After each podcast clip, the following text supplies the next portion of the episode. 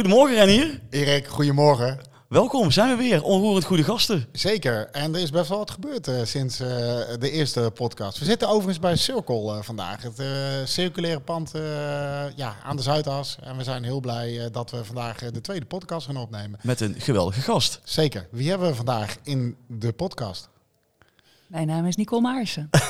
Dag Nicole, welkom.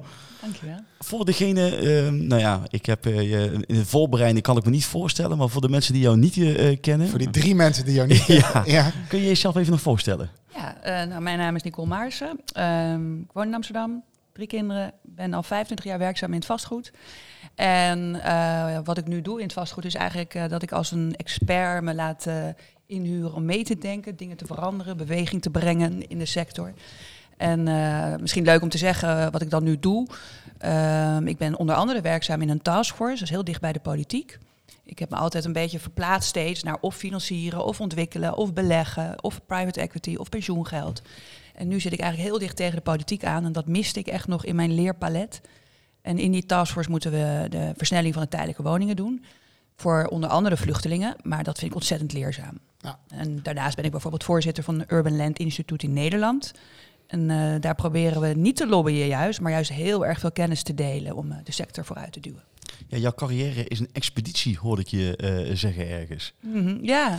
ja, het is steeds een beetje vanuit nieuwsgierigheid kijken van hoe kan het nou dat de andere tafel, de andere kant van de tafel, iets op een andere manier bekijkt. En dat was niet gepland hoor, maar meer achteraf kijk ik terug op iets van, nou nee, ik heb wel een hele cirkel rondgemaakt. En dat vind ik ontzettend leuk. En dat, dat helpt me eigenlijk nu juist in de rol die ik nu wil hebben. Om gewoon beweging te blijven maken, verbinding te blijven maken. En nou ja, ik ergerde me altijd een beetje soms. En dan was het tijd om te gaan. Uh, als de beweging een beetje tot stilstand kwam. Maar ik heb dat wel. Hè, soms wordt de indruk uh, een beetje voor mijn gevoel. Of, of is dat meer, zegt dat meer over mezelf. Dat je dan steeds maar hopt. Maar dat is helemaal niet waar. Ik heb banen gedaan voor vier jaar, voor negen jaar. Maar het is wel heel erg belangrijk dat je beweging kunt blijven maken voor mij. Ik kan zeggen, je hoeft niet te verdedigen nee. dat je ergens Nee, jaar maar dat vind ik altijd heel is, belangrijk. Uh... Het gaat om beweging. nee, volgens mij heb je heel veel energie. En met name ook over die, die woningmarkt uh, zeg maar, er doorheen krijgt. Ja. elkaar ook uh, leren kennen. Dus wat dat betreft ja. is dat alleen maar leuk. We gaan beginnen met de stellingen. Want, want anders zijn we de, de ja, podcast ja, rond met alleen um, zeg maar jouw enthousiasme. We gaan beginnen. Stelling ja, we hebben vijf stellingen, uh, zoals altijd. En uh, uh, nou, daar, daar heb je dan daarna de tijd voor om die eventueel te nuanceren. Maar laten we eerst maar eens met de stellingen beginnen. stelling 1. In 2025 is binnen ESG de, de S de belangrijkste driver. Denk het niet. Kijk, nou, daar gaan we sowieso over doorpraten. De volgende. de impact van opdrachtgevers, bijvoorbeeld banken, op innovatie is niet groot. Nog niet. Nog niet. Kijk, daar gaat ook nuancering voor. Ja, Hij is een stuk klein. Ja. ik, zeggen, dat, ik interpreteer het als een nee. Ja, ja. heel goed. Ja, heel goed. um, uh, de uh, volgende stelling, stelling 3. Uh, publiek en privaat samen de vastgoedcrisis oplossen. Kan dat echt? Zeker. Kijk, nou, dat, daar gaan we het zeker over hebben. De volgende, maatschappelijk vastgoed. Verfondsen of herontwikkelen? Verfondsen. Kijk, nou, dat wordt ook een leuke. En de laatste, die en is de laatste, persoonlijk, hè? Ja, nee, dat is er altijd, ja, dat hoort erbij. Uh, toch de New York Marathon lopen of de 10 uh, kilometer in Amsterdam met je kinderen. Nou, nu inmiddels zeker de laatste. ik denk dat dat uh, super. Ik loop achteraan, denk ik. En het is super gezellig als ze het met hun moeder willen doen. als ze dat nu willen doen. Ja. zeg je, ja. Nee, nee. En zit die New York Marathon er nog in? Nee, of even niet? Nee, even nee? niet. Ik was echt heel ver gekomen, maar toen kreeg ik de bekende blessure. Oké. Okay. Dus helaas, toen moest ik iets van vier maanden stilzitten. Dan moet je opnieuw beginnen. Dat is mentaal dan best lastig. Maar stilzitten is überhaupt denk ik wel een uitdaging voor jou, toch? Ja, dat vind ik moeilijk. Herkenbaar ook. Ja man, meteen aan de marathon. Nee, ik snap het. Hey, hartstikke mooi. Laten we uh, teruggaan naar de stellingen ja. en daar uh, um, uh, kijken, ja, om daar even verder over te praten. Um, op stelling 1 zei jij, um, in 2025 is binnen ESG de eerste belangrijkste drijver. Zei jij nee. Ja. Kun je dat toelichten? Nou, allereerst is, is denk ik dat vooral jammer. Hè? Maar ik denk het is zo dichtbij, 2025. En uh, het zit ook met elkaar in verbinding. Hè? Als, je, als je de E en de duurzaamheid, circulair, materialen, dat soort dingen, als je dat serieus neemt, dan heb je op de S daar ook heel veel impact op. En we hadden laatst een hele mooie sessie bij ULI over biodiversiteit. Ja. Als je dat echt goed doet, dan wordt het zo gewaardeerd door je huurders, bijvoorbeeld als het over huurwoningen gaat. Dus het heeft wel degelijk een correlatie met elkaar.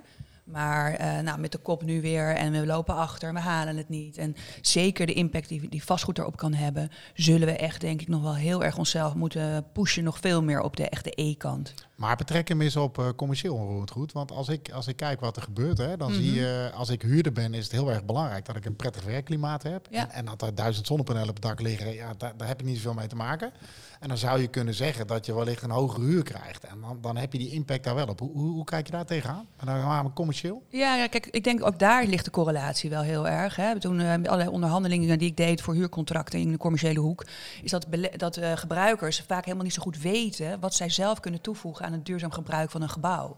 Dus in een kantorenmarkt zit daar echt heel erg gewoon alignment zoeken met het gebruik. Ja. Eh, en dan kan je zowel op het sociale aspect van ik, wa- waar ik werk heel veel doen. Kijk waar we hier zijn. Ik denk, he- denk dat het heel veel impact heeft op de ABN AMRO medewerker, maar ook op alle bezoekers. Als je gewoon geconfronteerd wordt met wat hier zo goed gedaan is. Ja. Ja, en dat het een meerprijs heeft, zien we dan ook nog. Dus eh, ook daar, maar je moet wel beginnen met dat dan ook echt intrinsiek in het gebouw en in het ontwerp meenemen. Wil je het kunnen oogsten aan de S-kant? Maar daar heeft corona nu ook een eh, invloed op gehad. Hè? Je Ja. ziet dat het steeds belangrijker wordt met mensen die minder naar kantoor komen in zijn algemeenheid. Eh dat gaat over kantoren, woningen heb je het over gehad. Eh, wat mij betreft is die S een beetje ondergewaardeerd. Heb je dat ook zo? Zeker, ja. ja. Het is zeker ondergewaardeerd en we zitten nog een beetje met elkaar als sector, denk ik, ook vooral te zoeken hoe je het meetbaar kan maken. precies. Weet je, als je gewoon sociale woningen in je portefeuille neemt als belegger, ben je echt niet bezig met de S. En als je gaat verhuren aan leraren en politiemannen, kom op, get over it. Dat is echt eh, beyond, eh, denk ik, wat we zouden moeten willen. Maar het gaat wel over heel erg over als je bijvoorbeeld gaat investeren in een wijk. Wat kan je bijdragen aan doorstroming? Wat kan je bijdragen aan het verduurzamen? Als je keuzes moet maken waar je gaat verduurzamen, doe dat dan precies daar waar de inkomens het laagst zijn of de labels het hoogst. En je kunt wel heel gericht impact hebben op de S. Eh, dus daar, daar zit nog heel veel oh ongegonnen, of eh, hoe zeg je, onontgonnen gebied. Maar dat moet, laten we nou niet wachten tot het moet. Precies. En dat Ja. is aan de E-kant een beetje. Weet je, banken hebben natuurlijk heel veel invloed op wat er aan de E-kant gebeurt. Ja. Maar soms is het ook wel een beetje treurig dat we zo lang wachten, omdat het dan uiteindelijk een wet zegt dat je het nu moet. En hoe zouden we dat dan, ja, even, ik ben altijd een man die ook altijd dingen probeert concreet te maken. Ja. Hoe zouden we dat, kijk, 2025 zeg je, dat is een vrij eh, dichtbij. Ja. Maar hoe, welke stappen zouden we daarvoor moeten nemen om die S toch meer, eh, ja, of meetbaar te maken of meer op de kaart te zetten? Nou, dat is een van de dingen waar ik altijd heel blij van word als, eh, in, in mijn werk. En ook bij Achmea vond ik dat ontzettend leuk. We- als je dan iets gaat roepen van oké, we- iets heel abstracts nog. Hè, een programma van eisen, geluk en gezondheid. Nou, dan kijkt iedereen je nog een beetje wazig aan. En dan weet ik ook nog niet precies wat het is. Maar doordat je dat zegt, hè, ga je met, en zeker als je bij Achmea werkt, dan werk je voor 63 pensioenfondsen. Als iemand dat dan hoort, als je 200 collega's colle- eh, enthousiast kunt maken. En in dit geval ook Blauwhoed en een eh, hele leuke architect, jullie architecten, Pim van der Ven. Dan ga je gewoon zitten en dan ga je het concreet maken. En inmiddels weten we allemaal dat als je dat concreet maakt naar een programma van eisen, dan heb je het over materialen, dan heb je het over licht, dan heb je het de lift uit zicht halen, dan heb je het over dat galerijwoningen ineens weer heel veel waarde hebben omdat je elkaar moet ontmoeten op de gang. Dan heb je het over hele tastbare, concrete dingen. En ik denk dat we die S dus veel, dat we veel meer moeten inspireren op die tastbaarheid. Mooi. Ja, Duidelijk. hel- Laten we naar stelling verhaal. 2 gaan, eh Renier. Ja, de impact van de opdrachtgevers als banken, eh, onder andere als banken, op innovatie is niet groot. Ehm, nou, wat, wat, wil, wat wil je daarover zeggen? Nou, kijk, ehm, als je als op, dat, is, dat zie ik inmiddels. Ja, Als, eh, we zitten allemaal in een soort keten en iedereen doet echt daadwerkelijk zijn best binnen wat hij kan. zeker. Maar eh, als de opdrachtgevers zichzelf zouden verenigen in een duurzaam programma van eisen bijvoorbeeld. Ja, Hè, als, de, als de corporatiesector is de in de toekomst de grootste opdrachtgever voor nieuwbouw. Als de corporatiesector zou zeggen, weet je wat, wij gaan werken aan één programma van eisen. Met wensen en eisen met betrekking tot circulariteit, eh, materialen, biodiversiteit. Dan leggen ze iets neer waardoor ontwikkelaars, bouwers en architecten daarop kunnen inspelen. Omdat ze zo'n grote opdrachtgever zijn. En omdat ze landelijk zijn. Dus elke ontwikkelaar of bouwer kan daarin mee profiteren en dat als basis zien voor innovatie. Nou, kijk, en niet om, als, een, als, een, als een ontwikkelaar bent die een financiering nodig heeft en de, en de bank gaat het doen, dankjewel, nou dan ga je meehelpen. Maar eh, je kunt ook dat gewoon als sector zo zien.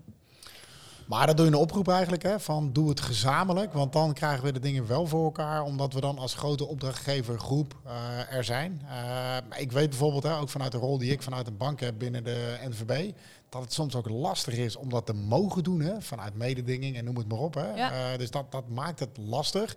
Ik vind over persoonlijk dat we niet moeten concurreren op duurzaamheid. Want Nee. iedereen moet dat omarmen.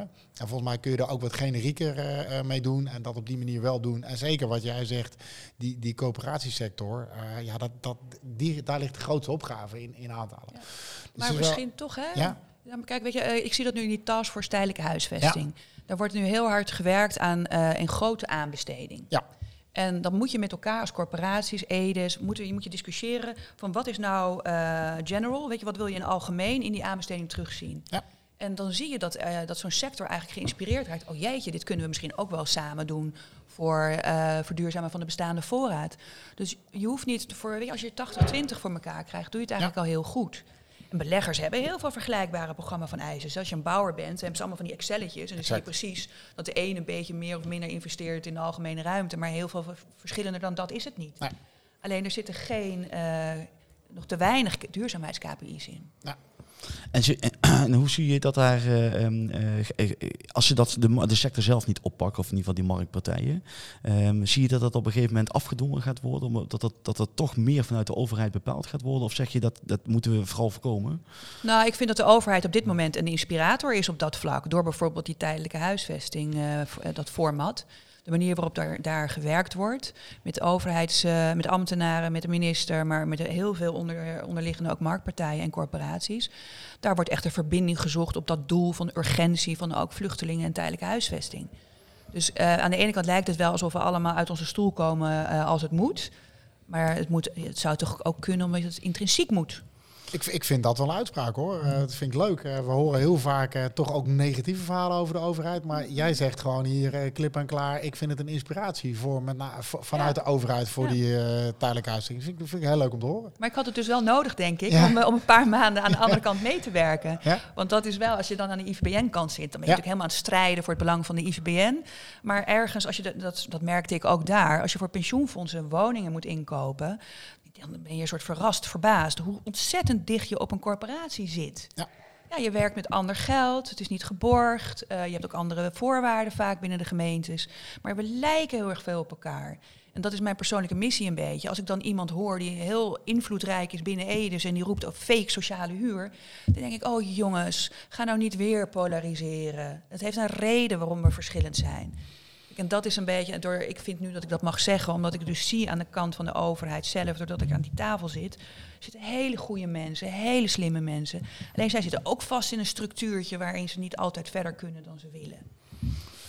En als we, als we die, die verschillen nou eh, soms een beetje wat verder laten liggen en eerst op die overeenkomsten gaan werken, we heel veel verder, denk ik. Nou, volgens mij heb je een hele mooie taak daar, Nicole. en je wordt er heel blij van. eh, zie- zie- zien we ook. eh. Ja, dat is jammer Ja. dat je op de podcast hier ziet, hè? De, Ja. de, de stralende lach daar, eh, Ja, maar daarbij. daarom Dat is mooi. Ja, zeker, zeker. Eh, laten we doorgaan naar de volgende eh, stelling. Er zitten we wellicht ook wel een beetje in een, eh, al een bruggetje. Eh, Zeker. Renier, zal ik, oh ja, ik zal hem met in ieder geval stelling 3. publiek en privaat samen de vastgoedcrisis oplossen, kan dat echt? Ja, misschien er al wat over ja, gezegd, het is een hè? beetje verlengstuk Ja. eh, di- op dit onderwerp. Kijk, ik, ik, eh, ik vind, en ik, dat, zi- dat zien we allemaal, hè, we schrijven allemaal brieven. En via de LinkedIn eh, zitten we die allemaal te posten en te reposten. En oh, wat zijn we allemaal, hè, hebben we, wat weten we het allemaal soms zo goed. En, eh, Wie zijn we dan? nou ja, soms zie ik briefjes van eh, en de NEPROM en de IVBN en, en de EDES en VNG. Ja. En iedereen schrijft naar elkaar. Ja. En, eh, Dat is makkelijk ook op LinkedIn. dat is makkelijk, ja, Ja. natuurlijk is dat makkelijk. En ik denk dat zoals, nu, zoals ik dat dan nu één keer in zo'n klein taskforce zie, hè, er zijn een heleboel taskforces. Maar als ik dan dichtbij zo één zo'n taskforce zie en ik zie wat het kan brengen als je met een gemeenschappelijke opdracht, met ook tijdslijnen, aan tafel zit met mensen die gewend zijn te beslissen. Eh, en resultaten moeten maken, dan creëer je eigenlijk een soort managementteamtje of zo, hoe je het wil zeggen. Je creëert mensen met een gemeenschappelijke opdracht. En je houdt het, het gelobby en ook de politiek even op afstand. En op enig moment komt er natuurlijk weer politiek. En komt er ook weer het individuele belang. Maar eh, als je mensen aan tafel zet die gewend zijn te beslissen en met een opdracht, dan kom je heel veel verder. Maar e- even door over die taskforce. hè. Ik probeer het even te begrijpen. hè. Zit je dan met ambtenaren of zit je ook met Hugo de Jonge? Eh, Zit hij daar ook bij of hoe zit dat? Nou ja, het is, het is een combinatie. De, Oké. de, de basis van deze taskforce is dat er een, eh, een commissie is. Dat zijn Ja. drie mensen. Eh, de markt, dat ben ik in deze. Uh, de, overheid, de overheid vertegenwoordigd via een gemeente, Harriet Tiemens en Rob Haans vanuit de corporaties. Ja. En wij drieën zijn eigenlijk uh, namens uh, de minister of de DG, Chris Kuipers, Ja. degene die met een uitvoeringsorganisatie de opdracht uitpakt. Ja. En in die uitvoeringsorganisatie, en BZK, hè, de, de, de ambtenaren. Dus BZK heeft een rol, de uitvoeringsorganisatie heeft een rol. En de commissie probeert te helpen, mee te denken, uh, aan te jagen op allerlei regelingen die er moeten komen. Er is 100 miljoen bijvoorbeeld toegezegd om onrendabele toppen te financieren. Maar er moet ook, uh, als je het over tijdelijke huisvesting hebt, ja, als ergens maar een, een, woning maar tien jaar kan staan, waar gaat die dan daarna heen? Ja. Dus we zijn ook met herplaatsingsgaranties bezig, zowel financieel als lo qua locaties. Maar dan zit je ook op RO-traject dus. Ja, dan zit je ook gaat op dat landelijk RO-traject. dan? Of moet dat dan toch weer, en dat moet gewoon uh, uiteindelijk via de gemeentes. Maar Uit, uiteindelijk gaat het natuurlijk via de lokale gemeentes. Maar doordat wij die aanjaagrol Ja. hebben en ook de opdracht hebben om die regelingen uit te werken, uh, leer je heel snel heel veel. En kun je dat ook veel makkelijker door het hele land verspreiden. Ja. Maar ik denk dat, eh, misschien even van mijn, uh, ja, ik, ik heb, ja, ik, hoe ik het nu ervaar, hè, ik zie dat we 900.000 woningen willen we dan gaan, gaan bouwen met z'n allen. Uh, dat zijn dan 90.000 per jaar. Uh, we zitten met een bouwbesluit, we zitten met de duurzaamheidsvraagstuk, we zitten met duurdere bouwgrondstoffen. stikstof. stikstof komt daar nog bij. Ja, ik, dit is nog een opgave die hier. Uh, Ja. uh, uh, ik ben, gaan we, zijn we niet een beetje vast aan het lopen met z'n allen? Nou ja, zeg het, maar we, we staan stil bijna. Ja. Hè? En we, we, we lopen, we zijn vastgelopen eigenlijk al. Kijk, en dat is, weet je, misschien was het een paar jaar geleden nog een beetje sectoraal aan te vliegen. Hè? De woningmarkt loopt vast, of in de winkels hebben we een perfect storm, of veel te veel kantoren gebouwd, nou, hè, vanuit vastgoed bekeken dan. Maar nu kan je, het, kan je het niet anders aanpakken dan integraal. En doordat het nu zo complex is, moet je dus ook niet een, een publiek-private samenwerking in het vastgoed zien. He, ik denk dat je die 900.000 woningen echt alleen maar uh, opgelost krijgt als je echt de mobiliteitsvraag, de energietransitie, de landbouw, als je al die conflicten ook aan tafel zet, wordt het nog moeilijker. Maar dan kan je bijvoorbeeld wel, als je dat in een, in een provincie begint uit te werken, het voorbeeld zetten met hoe kom je wel uit die stilstand terug. Kijk, en uh, stikstof is uh, randstedelijk. Hè? De, de marktpartijen hebben al best wel voorgesorteerd hierop. Dus soms is ook het drama is het, is het wel ernstig, maar als je naar de gebieden of locaties specifiek kijkt, valt het in sommige gevallen ook nog best wel mee. Ja, met name, even aanvullend denk ik, uh, binnenstedelijk is er minder een probleem. Ja. Want dat is met name in de meer landelijke gebieden uh, dat probleem Bijvoorbeeld, specifiek. ja, ja. Exact. Kijk, en daar wil ik misschien ook nog iets zeggen. We, papegaaien elkaar soms uh, ook wel erg makkelijk na. Kijk, weet je, sociale huur en leraar en politieman. Ik wil het dan toch een keer zeggen. Ja, ik graag. erger me, ik erger me er zo aan. Want als je zegt een woonquote in Nederland. Hè, wij in Nederland hebben wel een ho woonquote, hoge woonquote, maar tussen 25 en 30 procent. Als je dat op het salaris van een leraar of een politieman zegt, is het gewoon een middenhuurder. Ja. Maar die hele. Maar zeg dat dan ook. Ja, en dat, maar heel veel mensen proberen dat te zeggen, maar het wordt niet gehoord. Ja. Kijk, en in aantallen corporatiewoningen hebben we er meer dan dat we de doelgroep hebben. Dus maar ja, dat, dat wordt niet gehoord. En dat is, is dat politiek dan niet interessant genoeg? Of wat is het probleem dat we niet naar de feiten willen? En als je dus die publiek-private samenwerking op basis van vertrouwen aan tafel zit en je stelt dit met elkaar vast als feit, dan kun je op enig moment ook door naar het volgende onderwerp en de volgende oplossing. Je zegt heel veel, hè? en dat, dat is ook goed. Hè? E- Even terug naar die taskforce, denk ik ook. Ja. Hè? Want je zegt, het moet uiteindelijk lokaal. Hè? Maar wat kun je... Ik ken jou als iemand die heel snel gaat, heel snel denkt... en ook heel snel wil schakelen, vol in de energie zit. Hartstikke leuk en herkenbaar. Maar hoe ga jij nou ervoor zorgen dat je in 20... Nou, laten we zeggen 22, dan is het bijna voorbij. In 2023... Wanneer gaan jullie die concrete stappen zetten? Dat we echt uh, het kunnen uitrollen. Hoe, hoe, ga je dat doen? Of Nou, het is, wat, al, het wat, is hoe zie je dat? Het is, al, het is al aan de gang. Hè. De, kijk, de helft van die, van die 50 miljoen, dat was gisteren of eerst gisteren geloof ik een bericht, die is eruit. Dus Ja. de woningen zijn, zijn in bestelling. Ja, Ja, eh, dat, gaat dan over die tijdelijke woning. dat gaat over die tijdelijke woningen. Ja. Daar vind ik, van, als marktpartij zeg ik, het is vaak tijdelijk op de locatie. Exact. Terwijl het type bouw wat we daar hebben, zou hopelijk toch wel een blijvende bouw moeten zijn. Vind is daar nog een rol voor ons weggelegd als, als opdrachtgevers? Absoluut. Ik denk dat het zo belangrijk is dat jullie gaan waarderen uh, wat dat tijdelijke huisvesting nou eigenlijk is als product. Want het is vaak gewoon modulair of circulair. Exact. Het is qua materialen uh, modulair. Dus uh, daar kan je veel meer waarde aan geven dan de mensen die, het, die negatief erover willen spreken, dat het boksen zijn. Ja. Het zijn al lang geen boksen meer. Ik ben echt verrast als ik kijk in het land hoeveel goede initiatieven, klein en groter zijn, die in feite uh, in ieder geval een antwoord zijn op tijdelijke huisvesting. Nou, ik moet je heel erg zeggen, ehm, ik, ik hoorde laatst in Den Haag dat er een, een tijdelijk iets aankomt met 23 verdiepingen. En mijn eerste reactie was, ja, dat gebouw gaat gewoon omvallen. Uh, maar dat is helemaal niet meer zo. Nee. Echt bizar om uh, dat inderdaad te zien. Uh, ja. Ja. Ja. ja. En het gaat er waarschijnlijk voor 50 jaar kunnen staan. Exact. Ja. Maar gaan we het halen? Eh, De, de, De het- 900.000, eh, Nou, eh, kijk. ik snap dat dat misschien een getal is die dan op een gegeven moment een gaat leven. vast. Nee, nee, nee. Kijk, Maar, ik denk niet dat we het gaan halen. Maar ik denk dat als je 400.000 zegt en, dan, en je haalt ze wel, ben je dan te- meer tevreden? Kijk, ik denk dat je, je moet echt wel naar die urgentie en die energie, dat er gewoon echt wat moet gebeuren. Eh, ik vind op dit moment, ja, midden, middenhuurbeleggers, ja, die kan je niet de schuld geven, want die zitten echt in de mist qua regulering en eh, weet je, waar, waar dan en hoe dan. Dus eh, ja, de corporaties dan, jongens, gaan jullie het halen? Ik denk het ook niet, want die moeten ook verduurzamen. Dus simpelweg vanuit de, de opdracht en de mogelijkheden aan kapitaal en regulering gaan we het niet halen. Dus ik zou echt willen oproepen, beste overheid, minister, ga met die beleggers kijken hoe je dat negatieve sentiment op middenhuurder afhaalt. Corporaties, stop over te spreken over fake sociale huur. Laten we kijken onder welke wet en regelgeving jullie wat kunnen doen en wat de beleggers kunnen doen. En pensioengeld is zo hard nodig om, Ja. nou wat zullen we zeggen, meer dan de helft van die 900.000 woningen te kunnen maken. Maar dan moet je wel met z'n om die tafel, om even nu niet te politiseren, maar wat is de oplossing? Ja. Het is wel ons pensioengeld, hè? dus het is eh, geen vies rendement wat daar gemaakt wordt. Zeker niet. Mooi. Oké, eh, laatste stelling gaan we dan eh, eh, naartoe. Ehm, maatschappelijk vastgoed, verfondsen of herontwikkeling? Ja, die staat er ook op, Nico, omdat dat volgens mij ook een van je passies, eh, hobby's eh, is, maatschappelijk vastgoed. Tenminste, Ja. daar heb ik ook wel eens wat over gelezen en gehoord. Ja. Dus ik denk, nou, die kan niet ontbreken. Jij riep eh, direct eh verfondsen. Vertel. Nou, ik heb zelf ervaring als moeder in het eh, verduurzamen van eh, de school van mijn kinderen. Dat da ik dacht, dat doe ik even. Maar dat was vreselijk complex, alleen al in geldstromen. Ja. En, eh, en zo zie je dat de scholen, maar bibliotheken, gewoon ontzettend veel maatschappelijke rollen moeten echt in de stad blijven, moeten beschikbaar blijven in de stad.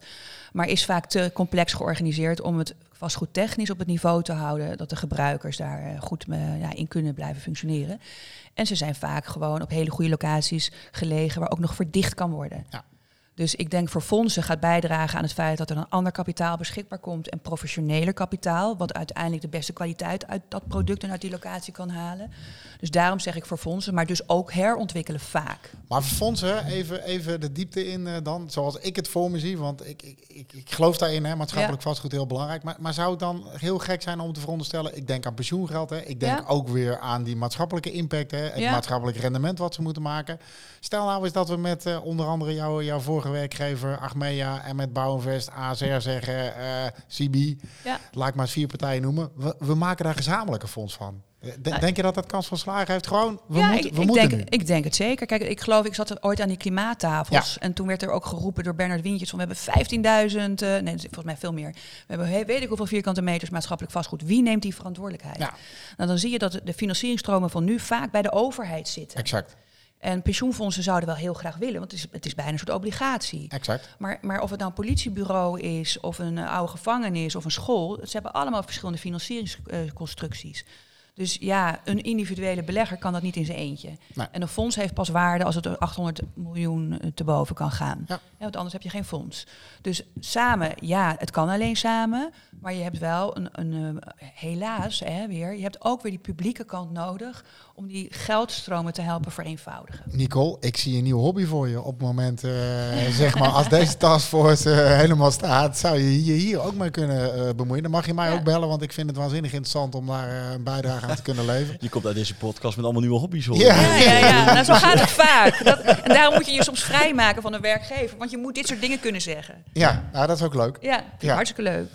Nou, ja, volgens mij eh, kunnen we nog, eh, nog uren doorpraten, eh, Nicole. En Ja. we, we nodigen je sowieso nog een keer uit om nog verder te praten, om te kijken ook hoe het gaat. Daar zijn we echt benieuwd naar, van hoe staan we nou zeg maar over een half jaar, wat heb je dan allemaal bereikt? Eh, als je dat leuk vindt uiteraard, natuurlijk. anders moet je het ook gewoon zeggen. Eh, ja, Die, die knippen we eruit hoor, dat laatste. Als je het ook leuk vindt.